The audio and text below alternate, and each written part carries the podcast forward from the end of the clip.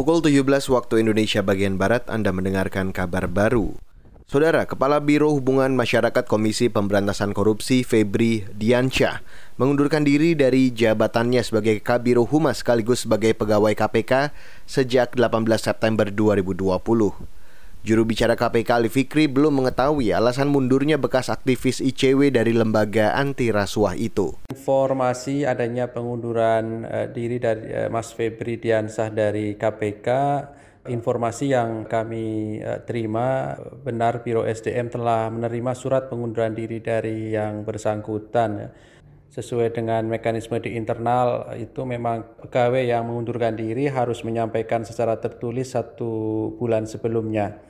Itu tadi juru bicara KPK Ali Fikri. Febri Diansyah melalui tulisan sudah pamit. Ia belum membuka suara terkait alasannya mundur sebagai pegawai KPK.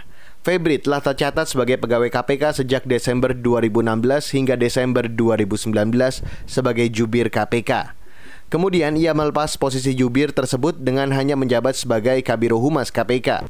Sebelum di KPK, alumnus UGM itu sebelumnya aktif di Lembaga Pemantau Korupsi ICW. Kita beralih ke informasi selanjutnya, Saudara Kejagung mengatakan telah menindak jaksa yang tidak profesional dalam menggunakan kewenangan sebagai penegak hukum.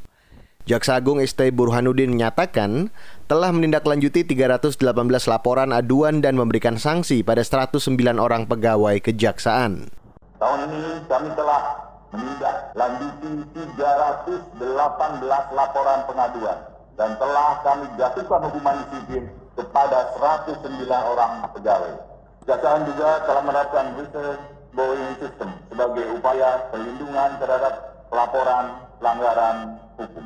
Jaksa Agung ST Burhanuddin menambahkan telah merombak personil serta melakukan mutasi dan demosi terhadap satuan kerja Kejaksaan Negeri yang terindikasi telah melanggar.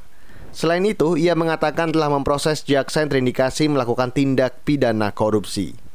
Saudara Presiden Partai Organisasi Nasional Melayu Bersatu atau UMNO, Ahmad Zahid Hamidi mengatakan, banyak anggota parlemen UMNO dan Koalisi Barisan Nasional atau BN di Malaysia yang mendukung pemimpin oposisi Anwar Ibrahim. Pernyataan itu muncul menyusul pengumuman mengejutkan dari Anwar bahwa ia memiliki cukup dukungan untuk menggulingkan Perdana Menteri Muhyiddin Yassin. Zahid juga menekankan bahwa UMNO dan BN tidak secara resmi menjadi bagian dari koalisi Perikatan Nasional atau PN dan segala bentuk dukungan datang dari perwakilan individu. Kemarin Anwar mengumumkan memiliki suara mayoritas di parlemen untuk menggulingkan pemerintah Muhyiddin. Namun ia tidak menyebutkan jumlah pasti dukungan dan nama anggota parlemen pendukungnya. Demikian kabar baru KBR saya Reski Mesanto.